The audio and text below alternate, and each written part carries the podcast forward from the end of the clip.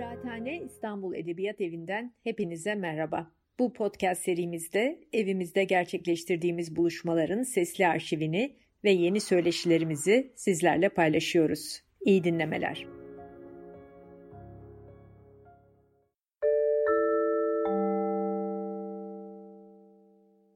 Kıraathane İstanbul Edebiyat Evi İnsan Hakları serisi konuşmaları kapsamında bugün e, LGBTİ hakları ve insan hakları bağlamında bir konuşma yapmaya çalışacağım. E, kendimi tanıtmam icap eder herhalde gibi düşünmekle beraber kısaca anlatayım. Levent Pişkin ben, avukatım. E, aynı zamanda LGBTİ aktivistiyim. LGBTİ artı aktivistiyim. E, ve uzun süredir, yaklaşık 10 yılı aşkındır aktivizm yapıyorum, savunuculuk yapıyorum. Ee, ve, ve bir, bir, 7 yıldır da takribi olarak e, avukatım e, ve alanda çalışıyorum. E, bugün aslında böyle temel olarak birkaç zamandır ülkenin gündemine oturmuş olan LGBTİ meselesini, e, LGBTİ artı meselesini ve LGBTİ artı hakları e, mevzusunu konuşacağız. Evet fikir olarak son zamanlarda sosyal medyada sıklıkla gündem olan LGBTİ artı hakları insan haklarıdır e, mevzusu üstünden çıktı ve bu hakların e, neden insan haklarıdır vurgusunu daha doğrusu LGBTİ artı haklarının neden insan haklarıdır e, vurgusunu yapma gereğimiz, e, gerekliliği doğduğu üstüne bu fikir çıktı, bu konuşma fikri ve bu burada da aslında biraz e, bu insan hakları bağlamında, mevcut insan hakları rejimi bağlamında bir analizini, bir, bir çerçevesini yapmaya çalışacağım. Ya aslında ben konuşmayı planlarken yani ilk işte Yasemin'le bu, bu konuşmayı e, yapmayı planladığımız vakitte e, durum daha farklıydı. E, en azından bu kadar e, sık ve her gün gündemimize gelebilecek bir biçimde LGBTİ artı toplumuna yönelik bir saldırı söz konusu değildi. Ya vardı e, ama her gün gündemimiz olacak kadar değildi. Dolayısıyla e, daha böyle teorik çerçevede bir konuşma yapmayı planlarken bugün e, daha güncel, pratik e, bir, bir mevzu üstüne konuşma yapma gereği hasıl oldu. Evet. O yüzden böyle biraz hukuk terminolojisine boğacağım gibi olacak yer yer. E, şimdiden sıkılırsanız e, bu bunun için bir özür dilemiş olayım. Şimdi e, hak bağlamında konuşacağımız için insan hakları mefhumunu biraz açmak gerekecek. İnsan hakları tarihsel süreç içerisinde gittikçe gelişen e, ve her gün aslında gelişmeye e, muhtaç e, bir, bir mefhum olarak karşımızda duruyor. E, ilk çıkışı monarşilere karşı bir e, tebaanız yok sizin, yurttaşlarınız var çıkışıyla başlıyor. Çok kabaca anlatacağım bütün bu kısmı. Ve sadece yurttaşların haklarından oluşan bir, bir takım mevzular söz konusu ediliyor burada ilk olarak. Daha sonra ise yani özellikle İkinci Dünya Savaşı ardından... Faşist Almanya'da Yahudilere yönelik e, yapılan ve yurttaşlık haklarından arındırılan insanların bir anda hem devletsiz kalması ve devletsiz kalmalarının dolayısıyla yani yurtsuz kalmalarının bir taraftan onların insanlık ve insan haklarına erişimini de e, engellediğinden bahisle insan hakları evrensel bildirgesi ve BM nezdinde bir insan hakları rejimi aslında. Evrensel bir insan hakları rejimi kuruluyor ve burada her insanın doğuştan e, özgür ve eşit haklara sahip olduğu belirtiliyor her ne kadar insan hakları her insan için tanınmış olsa da aslında e, burada ciddi bir paradoks var. Yani bir paradoksun içinde yaşıyoruz. E, insan haklarının tanınması, insan haklarını tanıması gereken organizasyon hala devlet olarak karşımızda duruyor. Ve bir devletin yurttaşıysanız ve eğer o devlet bu insan haklarını tanıdıysa ve onları güvenceye kavuşturduysa ancak insan haklarından faydalanabileceksiniz. Yani dolayısıyla en az yurttaş kadar insanın da bir kurgu olduğunu ve kimin insan sayılıp sayılmayacağı mevzusuna da yine devletin karar verdiğini bu, bu bağlamda söyleyebiliriz. Ee, iddia edebiliriz en azından. Ee, uluslararası insan hakları rejimi bu açıdan e, ciddi anlamda hala bir yapısal ve organizasyonel e, soruna ve az evvel işaret ettiğimiz paradoksa sahip.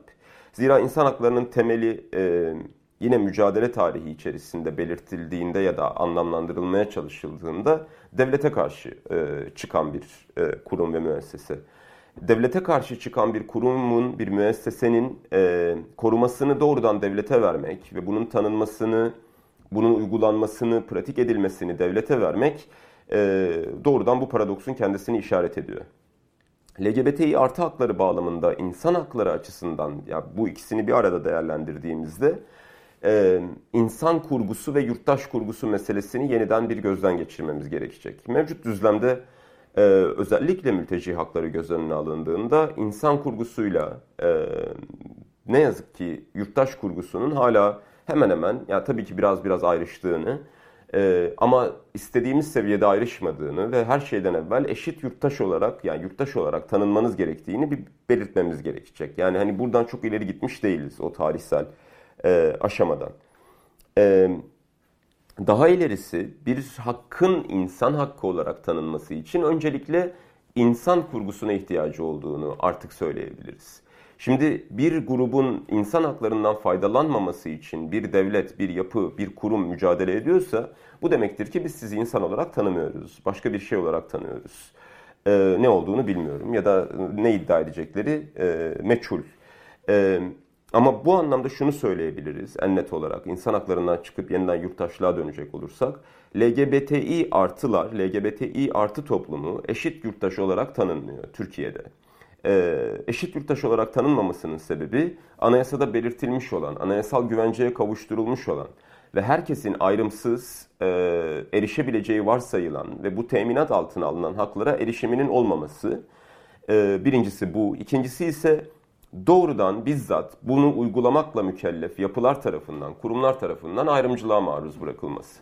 Dolayısıyla şu e, adil bir biçimde söylenebilir ki LGBTİ artı varoluşu Türkiye hukuku içerisinde, e, yazılı hukuk içerisinde özellikle iç hukuk açısından bir eşit yurttaşlık statüsünü e, haiz değil.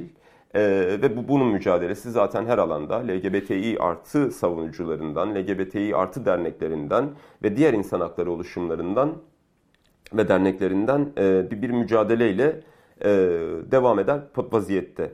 Şimdi yine e, konuşmanın devamında bunu sık sık vurgulayacağımız için LGBTİ artı hakları dediğimizde tek başına e, yeknesak, homojen bir e, grup gözünüzün önüne gelmemesini e, özellikle rica edeceğim. Çünkü e, biz kaynaşmış ve herkesin aynı olduğu bir kitle değiliz.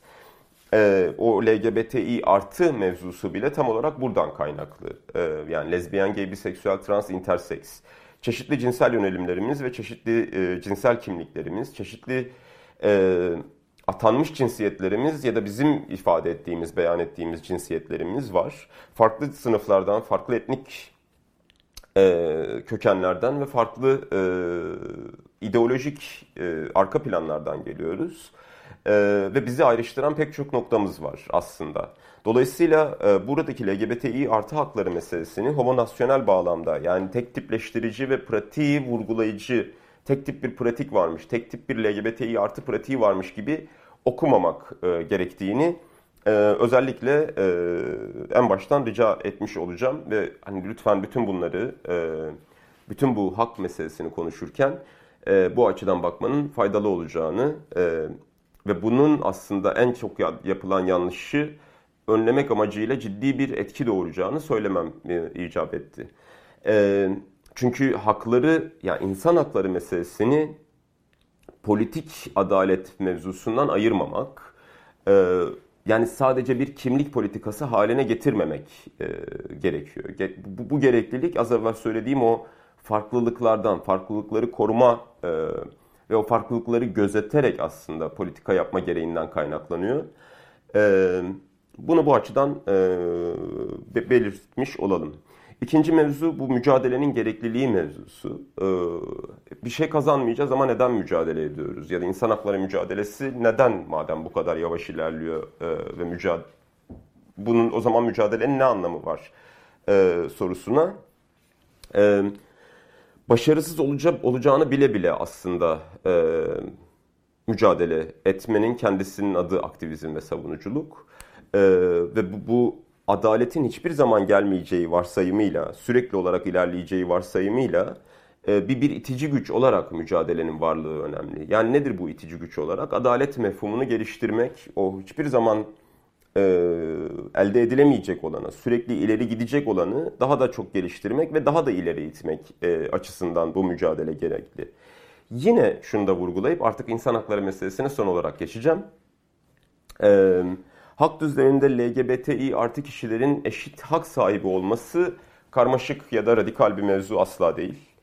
E, kuşkusuz LGBTİ artı mücadelesi aynı zamanda benim için, e, benim bakış açım açısından söylüyorum, radikal bir mücadeledir. Bu özellikle politik adalet kısmı açısından e, radikal bir mücadeledir. Ama hak düzleminde, özellikle BM'nin kurduğu evrensel insan hakları rejiminde e, haklara eşit, haklardan eşit faydalanma talebi e, ya da eşit hak sahibi olması meselesi ne karmaşık bir mevzu ne de radikal bir mevzu. Ee, şöyle radikal bir mevzu değil, İnsan Hakları Evrensel Beyannamesi BM'nin e, hazırlamış olduğu ve Türkiye'nin de tabii ki imzacısı olduğu İnsan Hakları Evrensel Beyannamesi e, en başta şunu söyler, bütün insanlar onur ve haklar bakımından eşit ve özgür doğar.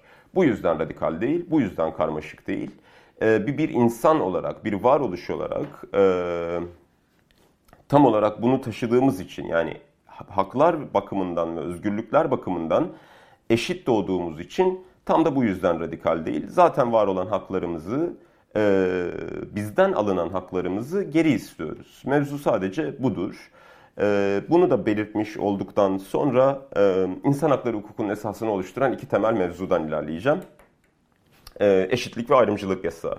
Şimdi e, Türk hukukunda, Türkiye hukukunda TC Anayasası'nın e, ilgili maddesi eşitlik mevzusuna ilişkin 10. madde. Ee, 10. maddede cinsel yönelim veya cinsiyet kimliğine özel bir vurgu yok. Ancak e, nedir 10. maddedeki vurgu? Ve benzeri diye bir e, vurgu var ya da gibi diye bir vurgu var. Bu demektir ki hukuk dilinde burada sayılan unsurlar tahdidi değildir.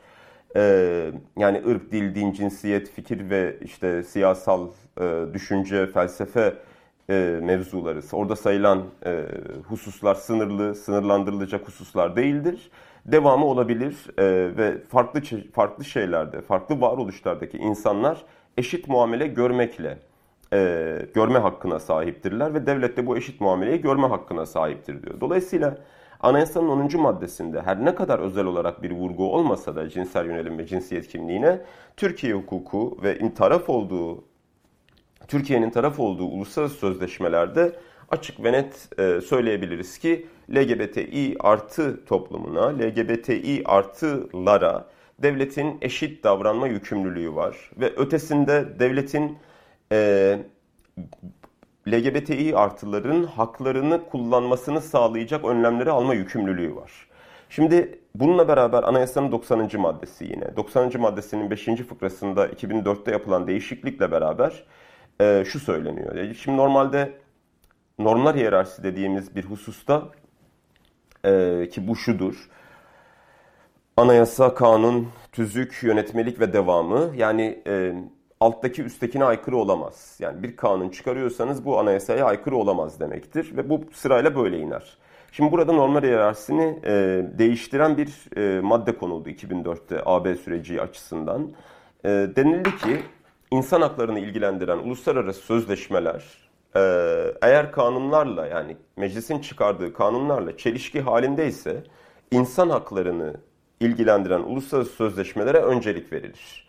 Bu ne demek olur? Ee, insan haklarını ilgilendiren uluslararası sözleşmeler kanunun üstüne çıkmış olur. Dolayısıyla bir pratikte yargı e, uygulayıcı, hukuk uygulayıcı öncelikle bakması gereken yer anayasa, ikinci bakması gereken yerde insan haklarını ilgilendiren uluslararası sözleşmeler olur. Eğer kanunla çelişki e, var ise ve insan haklarını ihlal eden bir kanun ise. Dolayısıyla Türkiye hukukunun bu açıdan eğer ciddi yani hani olumlu bir yargı pratiği ve yargı kültürü olsaydı e, ve yasa e, uygulayıcıların bu anlamda bir demokratik kültürü ya da insan haklarına dayalı bir kültürü olsaydı e, bu maddenin uygulanması dahi tek başına aslında pek çok sorunu çözebilirdi. E, ancak her şeyi ne yazık ki tek tek belirtmek zorundayız ilgili yargı kültürü içerisinde. E, bu, bu arada yargı kültüründen kastımız sadece yargıçlar ve savcılar değil, e, aynı zamanda infaz ve e, adli kolluk dediğimiz ve aslında Türkiye'de ayrımı olmayan o polis ve jandarma güçlerinin de e, dahlidir. E, bu, bu kültür içerisinde yani, yani bu total kültür içerisinde ne yazık ki bunların her birinin ayrı ayrı teker teker belirtilmesi icap ediyor. E, aksi halde e, ciddi anlamda nefret içerir ifadelere, nefret içerir kararlara, nefreti teşvik eder kararlara rastlıyoruz ki konuşmanın ikinci bölümünde buna zaten değineceğim.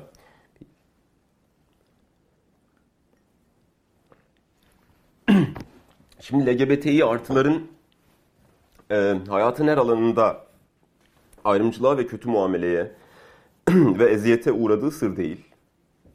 E, dünyada da bu böyle.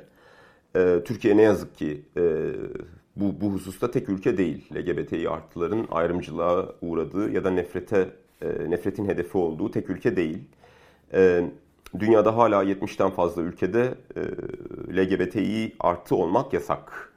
E, yani bir insanın böyle doğmasını ya da geçtim doğmayı bunu tercih etmesini e, bir, bir sabah uyanıp ben şununla rızam doğrultusunda şu cinsiyetle ilişkiye gireceğim, ona aşık olacağım demesi yasak. E, hatta bunların beş tanesinde ne yazık ki e, hala e, vücut bütünlüğünü ihlal eden, hatta yaşam hakkını ihlal eden cezalar söz konusu. Yani idam cezaları söz konusu. E, BM'de bile yani BM'nin kurduğu uluslararası insan hakları rejiminde dahi kendilerinin de kabul ettiği üzere çok uzun seneler, 10 yıllar boyunca cinsel yönelim ve cinsiyet kimliği lafı ağza alınmadı. Ee, bu, bu alınmaya cesaret edilemedi. Ee, Birleşmiş Milletler'in bu anlamda çıkardığı cinsiyet kimliği ve cinsel yönelimle ilgili ilk özel metin 2011 yılında. Yani dün aslında 10 yıl öncesi.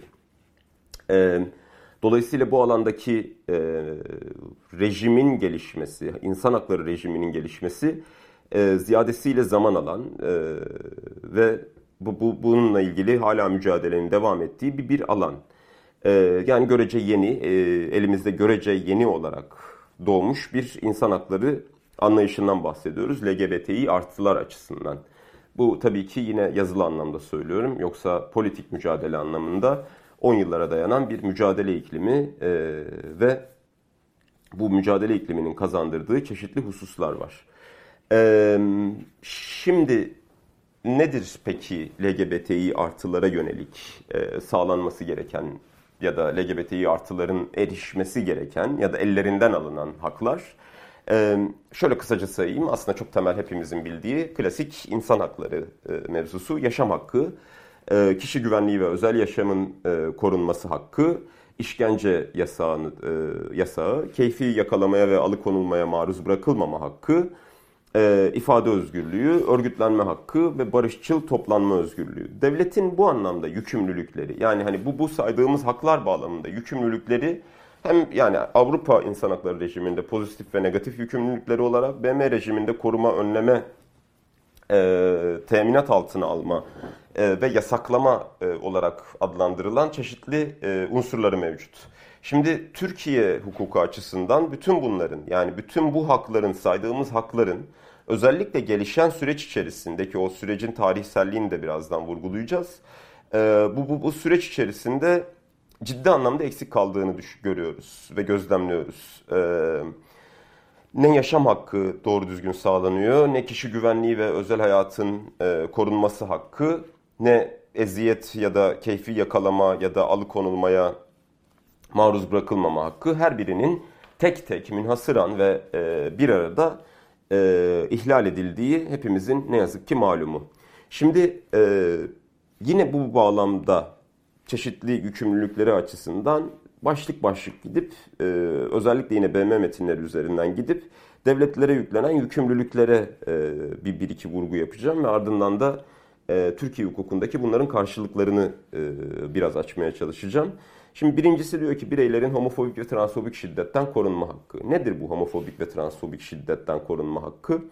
Bir kişinin sırf cinsel yönelimi ya da cinsiyet kimliği sebebiyle şiddete maruz kalmaması mevzusudur. Homofobik ve transfobik şiddetten e, korunma hakkı. Nedir bu şiddet? Devletin kendisinden gelebilir. Yani kolluk güçlerinden gelebilir. Gardiyanlardan gelebilir. infaz memurlarından, diğerlerinden gelebilir. Herhangi bir sivil memurdan gelebilir. Ee, geçtim devlet organlarını aileden gelebilir. Ee, dışarıda gördüğünüz ya da sokakta yürürken muhatap olmak zorunda kaldığınız sivil kişilerden gelebilir. Ee, ya da bir daha fenası yargıçtan gelebilir homofobik ve transfobik şiddet. Yani hani bu herkese eşit davranmakla yükümlü yargıçtan gelebilir. Yani burada homofobik ve transfobik şiddet mevzusunda e, ne yazık ki o renç geniş bir e, yer kaplıyor. Yani cinayetten e, tecavüze kadar e, şiddetin şeyi olmaktan, e, mağduru olmaktan sözlü anlamda e, şiddetin mağduru olmaya kadar e, geniş bir alanı kapsıyor bu e, homofobik ve transfobik şiddet ki birazdan yine bunların somut örneklerini vermiş olacağım. E, nedir bunu yapması için devletin, daha doğrusu bunu sağlaması için devletin yapması gerekenler? Bir, LGBTİ artılara yönelik e, nefret cinayetlerinde cinayetlerde indirimin sağlanmamasını güvence altına almak. Hatta bunu ağırlaştırıcı neden olarak e, ceza kanunlarına ya da ilgili e, mevzuata yedirmek e, ve buna ilişkin belki de özel düzenlemeler yapmak. Bu tek başına yeterli mi? E, değil. Az evvel bahsettiğimiz bu mevcut yargı kültürü içerisinde e, ben aynı zamanda tüm yargıç ve savcı adaylarının konuyla ilgili özel olarak eğitimler almasını, e, ve bu bunları e, ilişkin bilgi sahibi olmasını, nefretin, nefret söyleminin, nefret cinayetlerine ne anlama geldiğini bilmesi gerektiğini düşünenlerdenim. Yani yasanın tek başına yeterli olmayacağını düşünenlerdenim ama yasa her halükarda bir güvencedir. Ve bu güvenceyi devletin temin etmesi icap eder. E, ikinci olarak yine örnek kabilinden ne, ne yapabilir? E, mevcut ön yargıları güçlendirici, mevcut ön yargıları pekiştirici, e, söylemlerin üretilmemesini sağlayacak araçları çıkarmak, araçları e, sağlamak. Nedir bunlar da? E, nefret suçları yasası gibi, nefret söylemlerine ilişkin e, yasada buna yer vermesi, nefret söylemlerini kısıtlaması ve e, bunun doğrudan yasaklanması, belki suç haline getirilmesi ve yine konuya dair e, A'dan Z'ye tüm devlet kurumlarında konuya dair çeşitli e, eğitimler ve odak gruplar üzerinden e, bunun ilerletip e, konuşulabilmesi mevzusu. E, üçüncüsü yine buna bağlı olarak hedef göstermenin yasaklanması. E, dördüncüsü yine örnek kabilinden tabii ki bunlar. Devlet dışı aktörler dediğimiz ve bir takım paramiliter grupların e, saldırılarının önlenmesi, bunların cesaretlendirmek yerine önlenmesi ve bu grupların doğrudan hedef alınarak soruşturulması e, gibi gibi uzatabiliriz bu mevzuyu. Ee, en çok rastlanan mevzu e, LGBTİ artılara yönelik doğrudan homofobik ve transfobik şiddete yönelik olduğu için ve bu şiddetin aslında dediğim üzere söylemden fiziksel e, mevzuya kadar, fiziksel varoluşa kadar büyük bir alanı kapsaması açısından en büyük e, meselelerden bir tanesi ve BM'nin yüklediği en büyük yükümlülüklerden bir tanesi bu. İkincisi e, işkence ve zalimane ve insanlık dışı ve onur kırıcı muamelenin e, önlenilmesi mevzusu. Şimdi nedir bu? Ya tabii ki bu bu bu arada tüm insanların hakkıdır. Ve insan hakları e, bu evrensel beyannamede de diğer uluslararası sözleşmelerde konuyla ilgili özel raportörün e, yayınladığı raporlarda da memorandumlarda da tüm insan hakları metinlerinde işkence ve zalimane davranış zaten yasaklanmıştır. Devletin e, pratikte işkence yasağı diye bir e, müessesesi var ve bunu uygulamak zorundadır. Yani devlet işkence yapmamakla mükelleftir. E, ama buradaki özel olarak işkence ve zalimane ve onur kırıcı davranış e, muamelelerin önlenmesi mevzusu, davranışların önlenmesi mevzusu sırf varoluşu sebebiyle yani LGBTİ artı e, toplumunun bir parçası olması sebebiyle bu anlamda eziyet edilmemesi yasağını içerir. Ki bütün bunların hepsini yine az evvel söylediğim gibi çeşitli örneklerle açıklayacağım.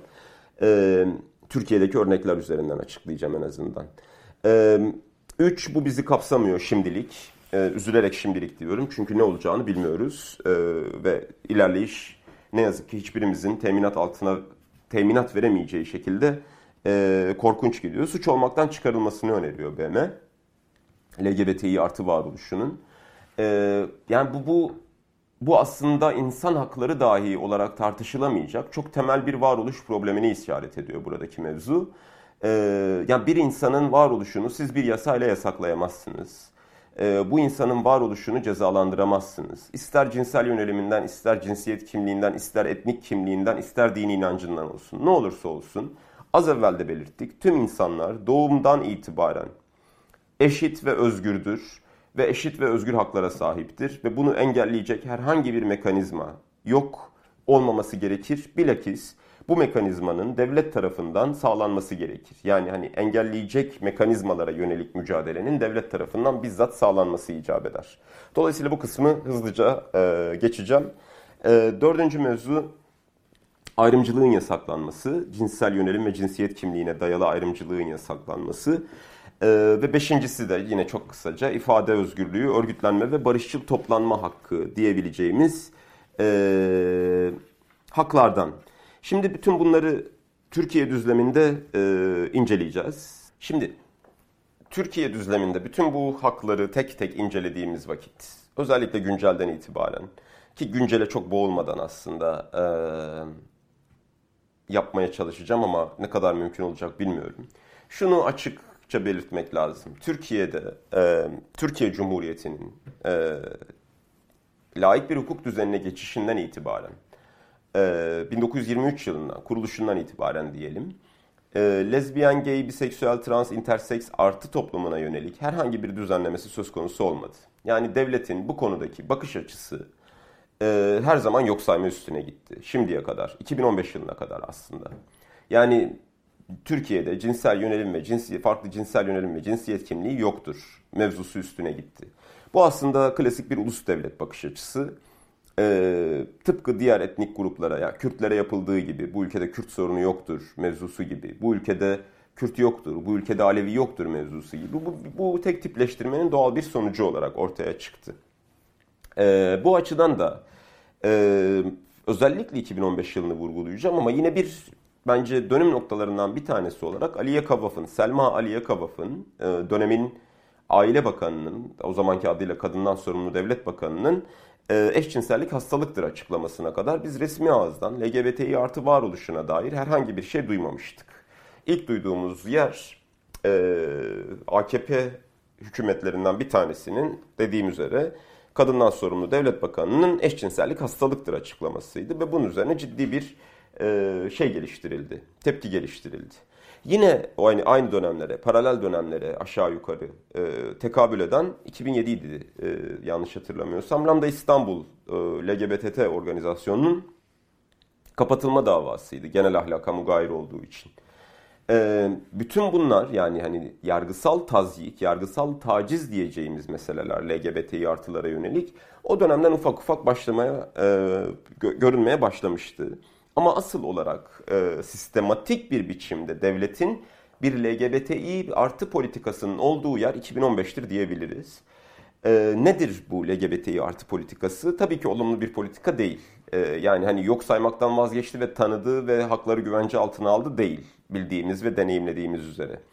Buradaki mevzu LGBTİ artı toplumunu düşmanlaştırma, kriminalize etme e, ve topyekun bir saldırı halinde e, bir, bir politikası olduğu e, ve artık bu politikaya uygun davranacağı mevzusuydu. E, 2015'te ilk kez onur yürüyüşü, LGBTİ artı İstanbul onur yürüyüşü yasaklandı. E, bu yasaklamanın gerekçesi olarak dönemin valisi e, yapılan telefon görüşmesinde bizzat şahit olduğum için çok rahatlıkla söyleyebilirim ki yapılan telefon görüşmesinde Ramazan'a denk geldiği için ve halkın hassasiyetleri olduğu için bu yürüyüşün yapılamayacağı, halkın dini hassasiyetlerinin rencide edilemeyeceğini ileri sürdü. Ve bu saatten sonra e, Türkiye'de ciddi anlamda LGBTİ artı haklarında zaten olmayan haklar alanında ciddi bir gerileme söz konusu olmaya başladı. 2016'da o halin ilan edilmesinden itibaren 15 Temmuz 2016'dan itibaren e, Ankara'da süresiz etkinlik yasağı koydu LGBTİ artı etkinliklerini Ankara Valiliği. Yine çeşitli illerde LGBTİ etkinlikleri günübirlik olarak yasaklandı. E, onur yürüyüşlerine asla izin verilmedi ve LGBTİ artı varoluşu devletin en üst kademesinden orta kademesine kadar, bakanlar kurulundan bürokratlarına kadar hedef haline getirildi. Öncesi de var kuşkusuz ama asıl olarak vurgulayacağımız dönem bu dönem olduğu için bu dönemi özellikle söylemek icap eder. Ee, az evvel söylediğimiz anayasanın 10. maddesindeki bu eşit davranma yükümlülüğüne aykırı bir biçimde e, bakanlar LGBTİ artıları sapkın ilan ettiler. E, Cumhurbaşkanlığı bünyesinde çalışan e, bürokratlar e, iletişim başkanı azgın ilan etti. Diyanet İşleri Başkanı eşcinselliği koronavirüsün sebebi olarak gösterdi. E, doğrudan ilk elden halka oynayan, halktaki, toplumdaki var olan, e, kurumsallaşan yavaş yavaş homofobi ve transfobi daha da pekiştirmeye yönelik e, bir, bir takım açıklamalar söz konusu edildi. Ve bu açıklamalardan sonra da e, bu saldırılar, LGBTİ artılara yönelik saldırılar ciddi anlamda artışa geçti. E, mesela şeyi örnek verelim, Diyanet İşleri Başkanı'nın açıklamasını örnek verelim. Sosyal Politikalar Cinsel Yönelim ve Cinsiyet Kimliği Derneği'nin, SPOT, LGBTİ artı organizasyonunun e, pandemide hak ihlalleri, LGBTİ artı hak ihlallerine yönelik hazırladığı raporda e, aktardığı istatistikler korkutucu. Diyor ki istatistiğe göre Diyanet İşleri Başkanı'nın açıklamasına kadar gelen e, başvurular Diyanet İşleri Başkanı'nın açıklamasından sonra gelen başvuruların %50'si. Yani %100 bir artış var Diyanet İşleri Başkanı'nın açıklamasından sonra gerçekleşen hak ihlallerinde. Şimdi az evvel saydığımız yükümlülükler düzleminde gidelim. Bireylerin, kişilerin, e, toplumun, topluluğun homofobik ve transfobik şiddetten korunması mevzusunu ele alalım. Şimdi e, Türkiye hukukunda yine özellikle Türk Ceza Kanunu'nda düzenlenmiş olan ve aslında e, çağdaş bir ceza kanununda bulunması gereken bir müessese var. Haksız tahrik denilen bir müessese. Bu, bu, bu müesseseye göre e, yapılan, işlenen suç da e, doğrudan hukuk uygunluk sebebi olmasa da bir indirime gidilebiliyor çeşitli koşullar altında. Ama bu koşullar tamamen ve neredeyse e, az evvel bahsettiğimiz o kültüre emanet edilmiş durumda. Yani yargıca geniş bir takdir marjı sunulmuş durumda. Dolayısıyla işlenen nefret cinayetlerinde namusumu zedeledi. E, ben kadın zannettim erkek çıktı. E, bana tecavüz etmek istedi gibi gibi çeşitli söylemlerle e, LGBTİ artı nefret cinayetleri ciddi anlamda indirimler alıyor failleri. Ve bu aslında bir cezasızlık kültürünün yaratılmasına sebep oluyor. Ve cezasızlık kültürünün yarattığı iklim ise LGBTİ artılara yönelik cinayetlerin, şiddet vakalarının artmasına sebep oluyor. E, dolayısıyla ilk etapta devletin ilk etapta yapması gereken şey bu tür indirimleri özellikle ceza kanununun kabul etmeyeceği müpemlikte e, subjektif yoruma dayalı olacak, yargıcın subjektif bakış açısına, dini inancına, e, siyasi görüşüne dayalı olmayacak takdir marjlarını kaldırması ve bunu LGBTİ'ler lehine, LGBTİ artılar lehine geliştirmesi gerekecek. E, nedir bunlar? Yine sürekli olarak LGBTİ artılar lehine kullanılan genel ahlak, namus, e, Türk aile yapısı, Türk örf ve adetleri, anneanneler, gelenek ve görenekler gibi ne olduğu belli olmayan, şurada 10 kişiyi çevirip 10 kişiye sorsanız 10 kişiden farklı farklı cevaplar duyacağınız e, belirlenemeyen kavramlar e, aleyhte kullanılan. Bu kavramların derhal ve ivedilikle e, bu, bu insan hakları mevzusuna erişebilmek için tüm mevzuattan e, çıkarılması gerekiyor. Yine hatırlatalım Lambda İstanbul kapatma davası da e, ya da diğer mevzular da yani hani diğer örgütlenme ve barışçıl e, toplanma ve gösteri yürüyüşüne yönelik müdahalelerde yine genel ahlak bahanesiyle yapılmış olan e, ya da Türk aile yapısına aykırı olduğu gerekçesiyle e, verilmiş olan kararlardı. Dolayısıyla bunların tüm mevzuattan, toplantı ve gösteri yürüyüşleri kanunundan Türk Ceza Kanunu'na kadar, e, disiplin yönetmeliklerinden tüzüklere kadar her şeyden çıkartılması icap eder ilk etapta. İkinci olarak e, az evvel de belirttik. Yine söyleyelim. E, mevcut ön yargıları güçlendirici söylemler. Şimdi bu söylemlerin yasaklanması e, devletin yükümlülüğüyken bizzat bu söylemlerin devlet tarafından üretildiği bir dönemden geçiyoruz.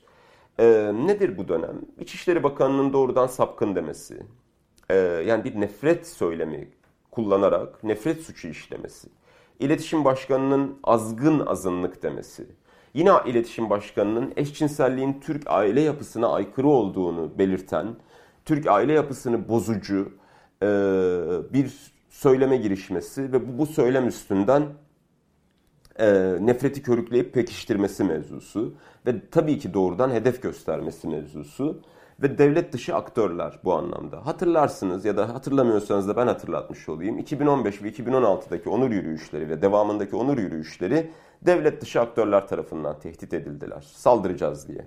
Neydi bu aktörler? Ee, Alperen Ocakları, Anadolu Gençlik Birliği gibi çeşitli ya milliyetçi İslami ya da sadece İslami tandansları olan çeşitli kuruluşlardı. Ee, bu kuruluşların hiçbirine ciddi anlamda, etkin anlamda bir ceza soruşturması yapılmadı. Ee, ve bu ceza soruşturması yapılmaması tabii ki önümüzdeki senelerde gelişecek olan e, ve gördüğümüz, deneyimlediğimiz 2017'den itibaren önümüzdeki senelerde bu, bu söylemlerin, bu tehditlerin e, artmasına sebep oldu ve daha da e, LGBTİ artı toplumunu daha da saldırıya açık hale getirdi. Özellikle de e, doğrudan devlet görevlilerinin hedef alması sonucunda. Şimdi buna ilişkin yükümlülüğünü ihlal ettiği ve dolayısıyla en başta yaşam hakkı olmak üzere e, fiziksel bütünlüğe ya da ruhsal bütünlüğe ilişkin, psikolojik bütünlüğe ilişkin temel hakları, temel yükümlülüklerini devletin ihlal ettiğini açık ve net belirtmek gerekecek. Yani pozitif yükümlülüklere gelmeden evvel yani devletin bize bu hakların kullanımını sağlaması için e, sahip olduğu yükümlülüklere gelmeden evvel devletin burada doğrudan bizzat fail olarak negatif yükümlülüklerini ihlal ettiğini e, açıkça söyleyebiliriz. Çok net söyleyebiliriz. Yani saldırının doğrudan o taraftan geldiğini e, hiçbir kuşkuya cevaz vermeyecek biçimde e, ve o taraf tarafından güçlendirildiğini e, belirtelim. E, işkence, zalimane, insanlık dışı ve onur kırıcı muamelenin önlenmesi yükümlülüğü. Yani buna ilişkin 6 Mart gözaltılarına bakmamız yeterli olacaktır. Sırf LGBTİ artı oldukları için gözaltına alınan 6 transaktivist arkadaşımızdan bahsediyorum. Ee, ya da gökkuşağı bayrağı taşıdıkları gerekçesiyle, sırf gökkuşağı bayrağı, bayrağı taşıdıkları gerekçesiyle gözaltına alınan insanlardan bahsediyorum. Bu Avrupa İnsan Hakları Mahkemesi standartlarında ve BM standartlarında hem işkence yasağının, zalimane e, davranışların önlenmesi yasa, davranışlar yasağı, zalimane davranışları uygulama yasağının e, bir ihlali hem de ayrımcılık yasağının doğrudan ihlali olacaktır. E, hapishanedeki ya da gözaltındaki özellikle gözaltında kolluğun e, LGBTİ artılara yaptığı davranışlarda bu açıdan az evvel belirttiğimiz e, yükümlülüklerin doğrudan e, ihlalidir, ihlali söz konusudur. E, suç olmaktan çıkarılması mevzusu dediğim üzere tek tek böyle çok kısa örneklerle değerlendireceğim. Suç olmaktan zaten hiçbir zaman dediğimiz üzere bir suç olmamıştı. Zira varlığı tanınmayan bir topluluktu. E, ama nereye gidecek, nereye evrilecek herhangi bir bilgimiz ve fikrimiz yok. E, bu bunu ileride hem yani sadece hükümet değil aslında bunu bizim mücadelemizde, ortak mücadelemizde belirleyecek diye e, söyleyelim. E, ayrımcılığın yasaklanması işte bu bu buraya gelemedik henüz. Yani hani siz bir ayrımcılığı yasaklayın mevzusuna daha gelemedik. Yani hani bu, bu nedir bu ayrımcılığın yasaklanması? İşte Ahimini'den Tobo ve diğerleri Gürcistan kararında verdiği husus. Eğer siz bir grubun, siz bir e, cinsel azınlığın yürüyüş yapmasını sağlayamıyorsanız sözleşmeyi ihlal edersiniz diyor. Ve bu e, orada saldırıya uğrayan insanlara işkence yasağının da ihlal edildiği gerekçesiyle e, hem ifade özgürlüğünün e, hem de onun ihlal edildiği gerekçesiyle ihlal verdi. Dolayısıyla buradaki yükümlülük yani hani bu ayrımcılığın yasaklanması yükümlülüğü tam olarak bunu işaret eder. Siz o gruba her türlü hakkın kullanımını sağlamak zorundasınız. Bunun için yasal araçları geliştirmek zorundasınız. Ee, bunun için çeşitli önleme ve koruma tedbirleri koymak zorundasınız. Ee, ve bunları teminat altına almak zorundasınız. Bütün bunların yani özellikle BM standartlarında bu beş yükümlülükten e, suç olmaktan çıkarılması hariç e, her birinin tek tek ve bir arada ihlal edildiği son dönemlerde hepimizin malumu. E, ne yazık ki hepimizin malumu. E, cinsellik ya da cinsiyet rejimi ya da cinsellik rejimi tek başına bir yasaklama rejimi olarak okunmamalı. Hiçbir zaman böyle olmadı. E, bu bir aynı zamanda vaaz rejimidir. Yani bir tarafı düşmanlaştırarak e, bir, bir düzenleme rejimidir. E, bu, bu, bu rejime karşı da, bu düzenleme rejimine karşı da birilerini kriminalize eden, e, bazı cinsellikleri makbul, bazılarını e, tırnak içinde anormal gösteren bu vaaza ve düzenlemeye karşı da e, ortak ve kamusal bir direniş e, geliştirme sorumluluğumuz e, hepimizde. E, çünkü insan hakları hepimizin hakları ve biri öbürüne doğrudan bağlı. Bir grubun hakkı ihlal edilip öbürünün e, hakları sağlandığı zaman orada insan hakları gerçekleşmiş ya da e, başarıya ulaşmış, böyle bir rejim ihdas edilmiş diyebilecek e, konumda değiliz, durumda değiliz ki bunun bir gerçekliği de yok. İnsan hakları herkes için var, hepimiz için var. Ee, sadece yurttaşlar ya da tanınmış olan yurttaşlar ya da bir takım ayrıcalıklı insanlar için yok. Hepimiz için var. Hepimiz doğuştan e, onur ve haklar bakımından eşit ve özgürüz. E, ve bu rejim, bu insan hakları rejimi ya hepimizi kapsar ya hiçbirimizi kapsamaz. E, dolayısıyla bu, bu, bu düzenleme rejimine inat bir insan hakları e, rejimi kurmak hepimizin ortak sorumluluğudur. Ve son olarak LGBTİ artı hakları insan haklarıdır.